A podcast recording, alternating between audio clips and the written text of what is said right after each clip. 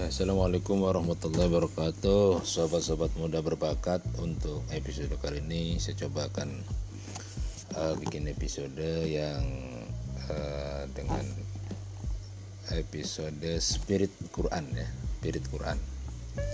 Jadi spiritmu Dalam episode Spirit Quran. Uh, Saya akan membahas mengenai Kiat sukses dengan membaca Al-Quran Infak dan tahajud Ya Definisi sederhana untuk arti kata sukses adalah berhasil. Ukuran sukses memang berbeda-beda, tergantung dari sudut mana kita memandang dan membandingkan. Ada sukses dari satu bidang tetapi gagal dalam bidang lain. Nah, untuk istilah sukses, Al-Quran membahasakannya dengan kata faizun. Faizun, orang-orang yang menang atau muflihun orang yang berbahagia atau beruntung atau hayatan thayyibah kehidupan yang baik. Ada lagi dengan bahasa tijarotan dan tabur bisnis yang tidak pernah rugi. Oleh karena itu sobat muda berbakat itu mari kita merenungkan firman Allah subhanahu wa ta'ala yang terkait dengan kesuksesan.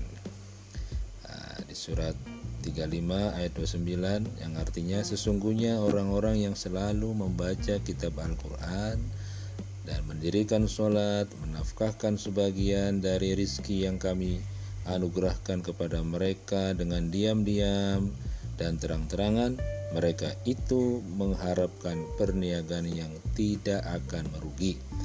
Nah, di sini ada kalimat perniagaan yang tidak akan merugi. Ini kalau di ayatnya tijarotan lan tabur. Ada tiga kiat meraih kesuksesan menurut ayat ini yaitu satu membaca Al-Quran. Dua sholat. Tiga berinfak. Orang yang suka membaca dan mengkaji Al-Quran berarti orang yang selalu berkomunikasi dengan yang maha segalanya. Maha memberi, maha melindungi, maha mencukupi dan mengangkat harkat derajat manusia. Dengan Al-Quran, manusia bisa sukses dunia dan akhirat karena Al-Quran adalah solusi. Al-Quran adalah petunjuk dan rahmat. Siapa yang berpegang teguh pada Al-Quran akan mulia, akan terangkat derajatnya, diperkuat hatinya, dimudahkan urusannya, dijauhkan dari kesempitan hati dan juga kesempitan hidup. Ya, tentunya Al-Quran tersebut tidak sekedar dibaca tetapi direnungkan, ditadaburi, ya, dan diamalkan. Tidak ada membaca tanpa direnungkan. Gitu.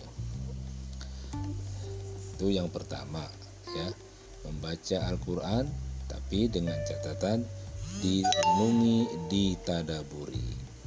Ya, tanpa itu kita nggak tahu isinya. Oke. Yang kedua, sholat.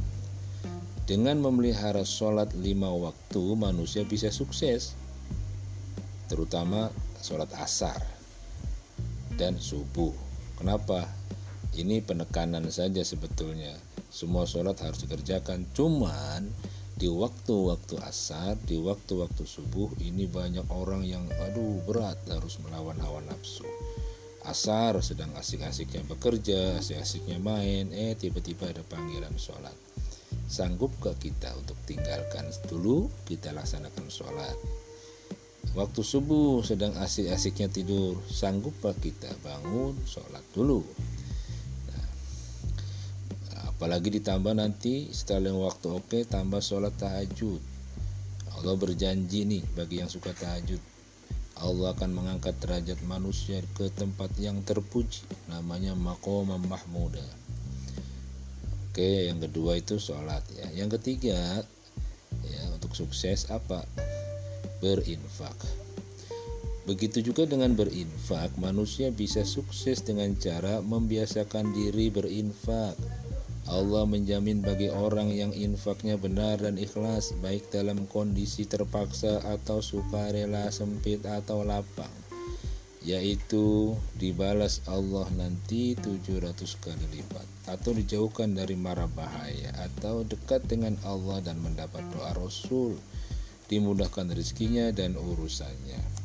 Dengan demikian tiga kiat sukses ini bisa dijadikan moto tiada hari tanpa mengaji tiada hari tanpa qiyamul laili tiada hari tanpa Oke sobat-sobat muda berbakat mudah-mudahan kita bisa istiqomah dengan tiga amalan ini. Insya Allah kesuksesan dapat kita raih baik di dunia maupun di akhirat. Semoga uh, bermanfaat untuk kita semuanya. Sukses untuk kamu semua dari spiritmu. Assalamualaikum warahmatullahi wabarakatuh Assalamualaikum warahmatullahi wabarakatuh. Waalaikumsalam. Uh, mari kita baca Fatihah. Semoga Allah berikan pada kita uh, hidayah petunjuk supaya hidup kita lebih baik lagi, lebih bahagia lagi. Allah mudahkan urusan kita semuanya. Al-Fatihah. A'udzu billahi minasyaitonir rajim. Bismillahirrahmanirrahim. Alhamdulillahi rabbil alamin arrahmanir rahim. Maliki yaumiddin iyyaka na'budu wa iyyaka nasta'in. Ihdinas siratal mustaqim siratal ladzina an'amta 'alaihim ghairil maghdubi 'alaihim waladdallin. Amin. Kata orang yang sudah sukses pernah ngasih nasihat ya, bahwa ada tiga kunci untuk orang yang pengen sukses terutama kalangan uh, milenial itu yang pertama ada keterampilan. Yang kedua ada kemauan. Yang ketiga ada kesempatan. Tiga ini variabel kesuksesan itu. Salah satu nggak ada, nggak bisa. Keterampilan ada, ya. Kesempatan ada, kemauan nggak ada, nggak bisa. Lowongannya ada lowongan ada. Ya. kesempatan ada kan? Keterampilan ada. Ya. Apalagi nggak punya kemampuan ya. Kemauan nggak ada. Kema iya gitu. Bisa. atau keterampilan ada kemauan ada kesempatan nggak pernah ada ya nggak bisa juga gitu. ya. sekarang eh, kemauannya tinggi, kesempatan ada, keterampilan nggak punya. Aduh, nggak bisa. Jadi ambeknya aja pengennya gede. Iya. Jadi, jadi, jadi harus saling berkaitan ya. Iya, harus bersinergi, Pak. Gitu. Dan ini yang yang harus diterapkan dalam kita anak punya generasi gitu. Makanya dalam sistem pendidikan Islam itu bertahap. Kalau anak-anak kecil suruh banyakin ngapal. Ngapal aja dulu. Jadi kayak SD ya suruh banyakin ngapal. Materi-materi yang kira-kira hafalan. Nggak bisa ngapal nyanyi nyanyi isinya hafalan. Gitu. Jangan masih SD dikasih tafsir oh itu itu yang salah bukan anaknya gurunya itu. Iya. Habis ngajar kuliah ngajar anak SD pakai tafsir gak bisa. Salah penempatan. Nah nanti SMP agak ditambah hafalannya tetap diadakan, ya. Ditambah sedikit pengertian. Nah begitu nanti tingkat SMA ya kan, maka eh, hafalannya dikurangi, pengertiannya diperbanyak. Begitu kuliah hafalan sudah nggak ada, yang ada wawasan wawasan wawasan. Banyak orang-orang kuliah itu yang selesai begitu sudah banyakin makalahnya. Ilmunya kapan? Waktu lagi SD waktu lagi SMP, waktu lagi SMA itu ilmu yang yang betul-betul masih melekat itu. Ada anak ada orang masuk ke perguruan tinggi yang ngapal Quran. Itu sulit kalau dadak-dadak ngapalin di waktu kuliah, banyak godaan. Tapi kalau yang dari SMP sudah hafal, tinggal moles saja itu. Makanya pembentukan skillnya itu di saat masih anak-anak itu.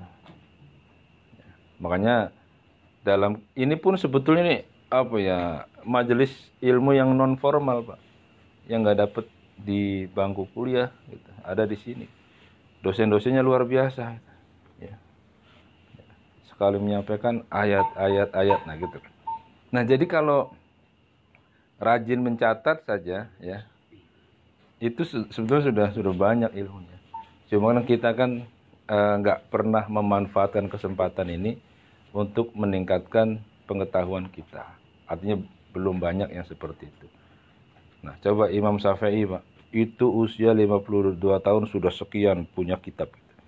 Cara belajarnya gimana? Nah, cara belajarnya itu yang harus kita ikuti. Ke mana pun beliau pergi itu waktu masih muda, bawa catatan. Gitu. Jadi walaupun dia uh, pemain dengan teman-temannya, pulang-pulang itu sudah bawa hafalan gitu. Jadi begitu berangkat tulis dulu, tulis gitu kan, tulis dulu apa yang dia hafalin. Nanti kantongin, begitu berangkat ada target saya pulang-pulang nanti hafal gitu, gitu. Jadi luar biasa. Termasuk juga Imam Al Ghazali itu nulis kitab Ihya Ulumuddin luar biasa kak. Nah, itu ditulis tengah malam. Ada hadis-hadisnya yang dianggap doif oleh kelompok salafi itu doif hadisnya. Nggak peduli dia. Kenapa nggak peduli?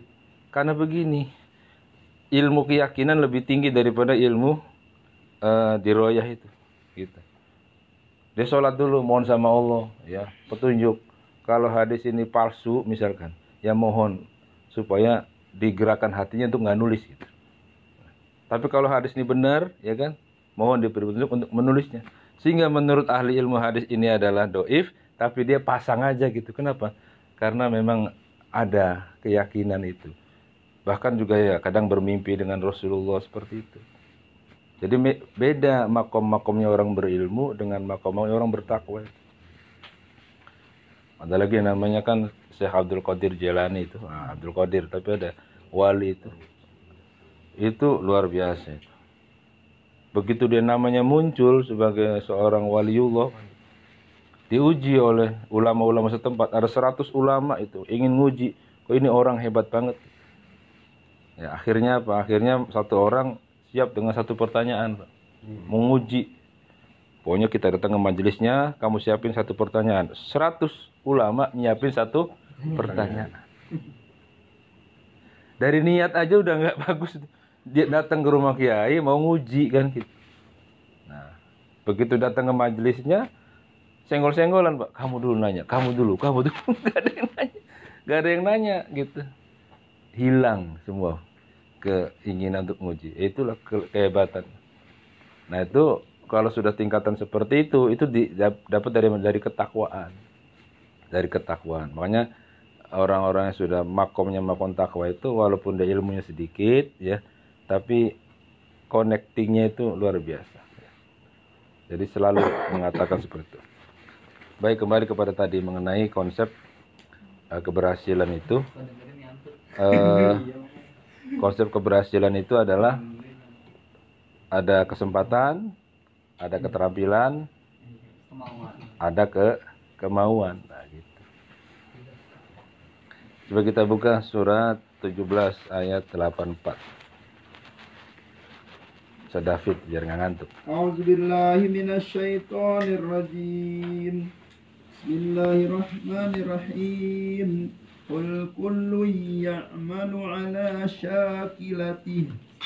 Rabbukum a'lamu biman huwa ahda sabila. Katakanlah, tiap-tiap orang berbuat menurut keadaannya masing-masing. Maka Tuhanmu lebih mengetahui siapa yang lebih benar jalannya. Nah, itu Allah katakan ada kalimat syakilah.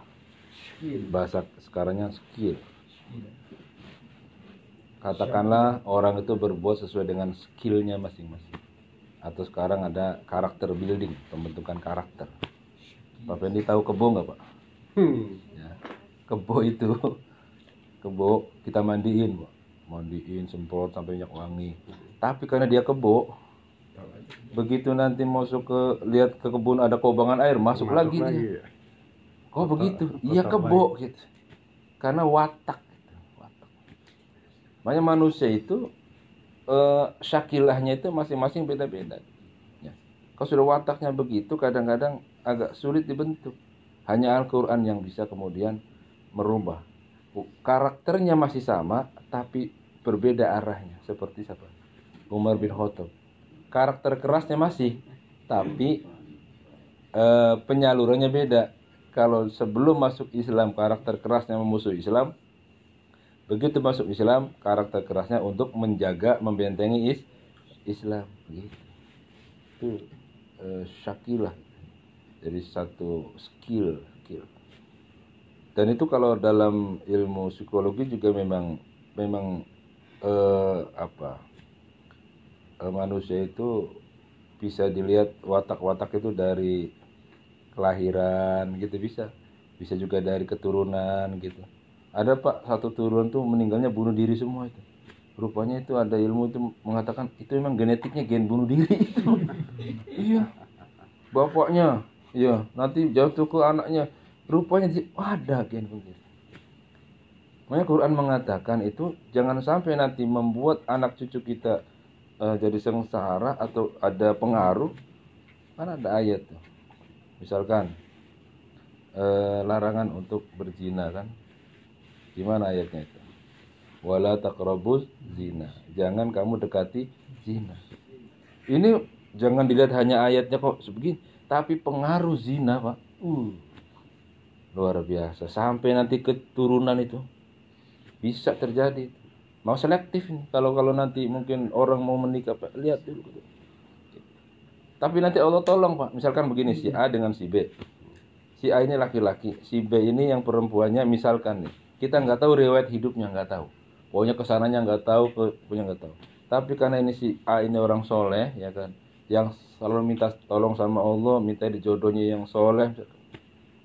Itu bisa saja terjadi, ya sudah diambang pitu mau pernikahan bisa nggak jadi pak. Nggak jadi itu sudah Allah atur. Kamu bukan dengan ini, ini itu bisa begitu nanti. Ternyata dibuka, oh ternyata ini gitu. E, nggak bagus buat kamu, bisa terjadi. Nah, makanya e, betul kita tuh harus selalu menyerahkan urusan itu ada kepada Allah Robbana alaika tawakkalna wa ilaika adabna wa ilaikal masir. Ya. namanya tawakal itu apa? Tawakal itu menyerahkan urusan kepada Allah supaya Allah membantu kita. Kalau kita pikul sendiri beban hidup kita berat. Tapi kalau Allah bantu jadi ringan kan gitu. contoh misalkan ah, ibu-ibu belanja dari pasar banyak satu beca nah, lalu ada yang bantuin saya bantuin barang-barangnya. Silahkan kan ringan tuh. Ya gitu tuh. Nah itu baru manusia yang bantu tuh. Apalagi nanti kalau kita serahkan pada Allah, Allah yang bantu diringankan semua urusan-urusan. Ada keringanan. Ya, maka tetap kembali konsepnya adalah kepada kepada Al-Quran gitu. Sekarang mungkin kita masih berpikir kita nanti jadi apa ya nanti seperti apa ya? Masa yang akan datang seperti apa misalkan. Udah ikutin aja konsep Al-Quran. Ya apa artinya? Orang yang baik pasti akan mendapatkan yang yang baik gitu. Ya tadi masalah Nabi Yakub ya kan? Kan dibohongin sama anak-anaknya itu kan? Iya bohongin. Tapi dia bertawakal sama Allah. Fasabrun jamil sabar yang bagus. Akhirnya apa? Akhirnya dikasih tahu oleh Allah bahwa Yusuf itu nggak meninggal Yusuf itu masih ada kan gitu. Bahkan sampai menjadi jadi raja. Jadi Allah nggak pernah salah dalam uh, memberikan uh, apa balasan kepada manu, manusia. Kalau ada kesal-kesal itu datangnya dari manu, manusia. Ayat terakhir surat 4 ayat 79 silakan. baca Ustaz Ali. 479 Iya. أعوذ بالله من الشيطان الرجيم. بسم الله الرحمن الرحيم. ما أصابك من حسنة فمن الله وما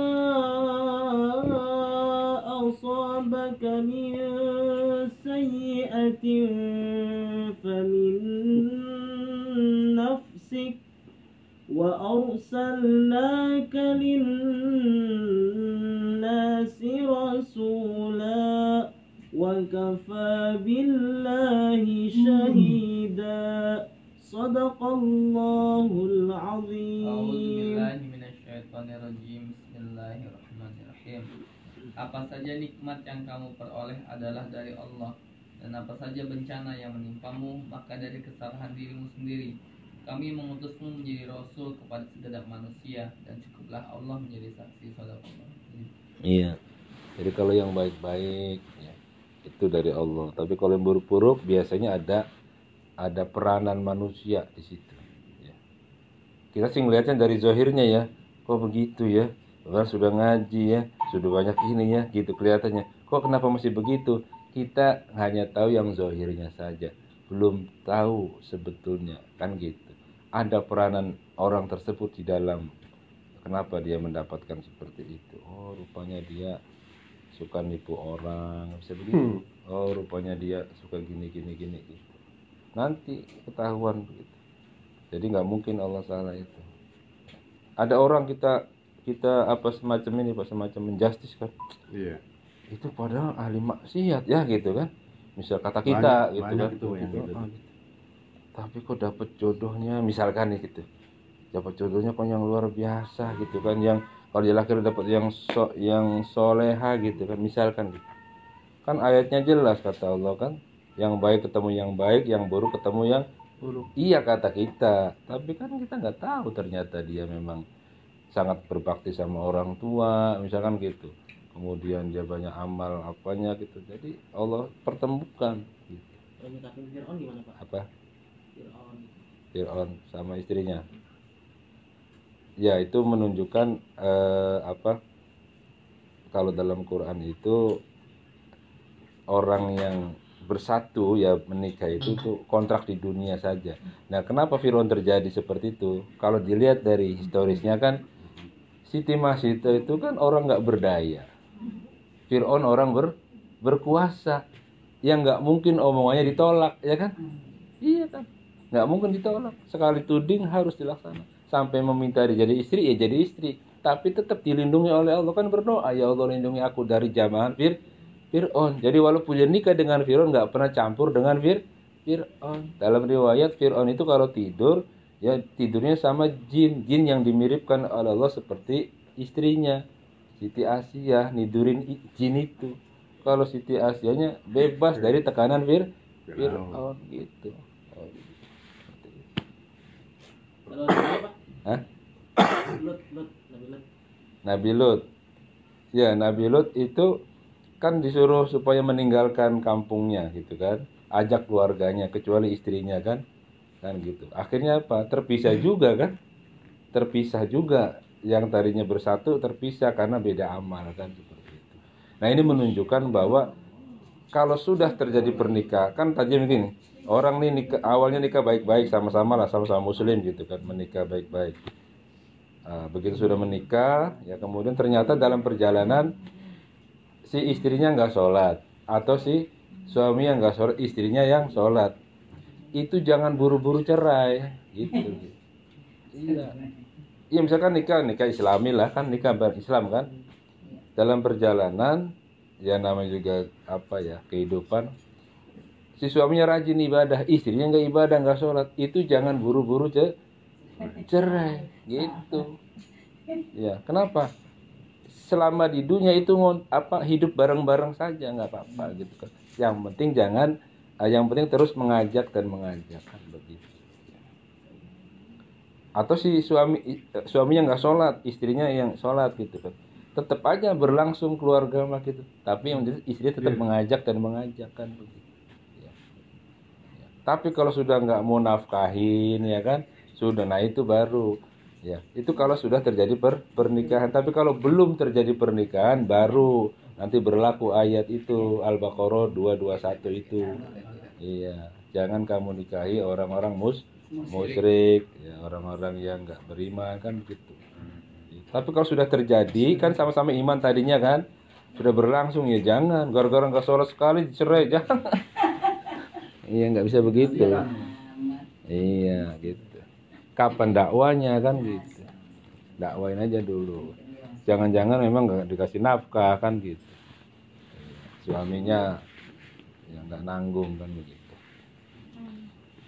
ya gitu ya Bu Desi ya kira-kira ya. Setuju ya? Setuju nggak? Iya.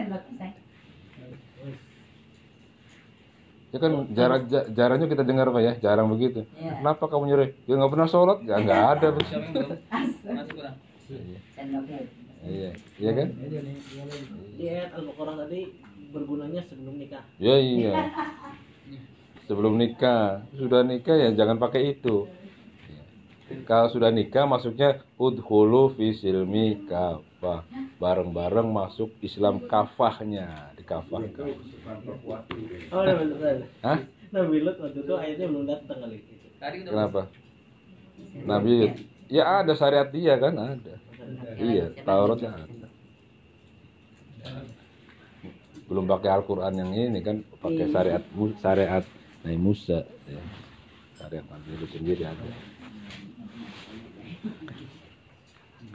Kayak durian di depan dah. Hah? Siapanya? Rasanya kayak durian di depan. Ya mudah-mudahan Allah berkahi kita semuanya. Terima kasih. Assalamualaikum warahmatullahi wabarakatuh. Waalaikumsalam. Mentang-mentang nggak sholat. Alhamdulillah, terima kasih jamaah semua.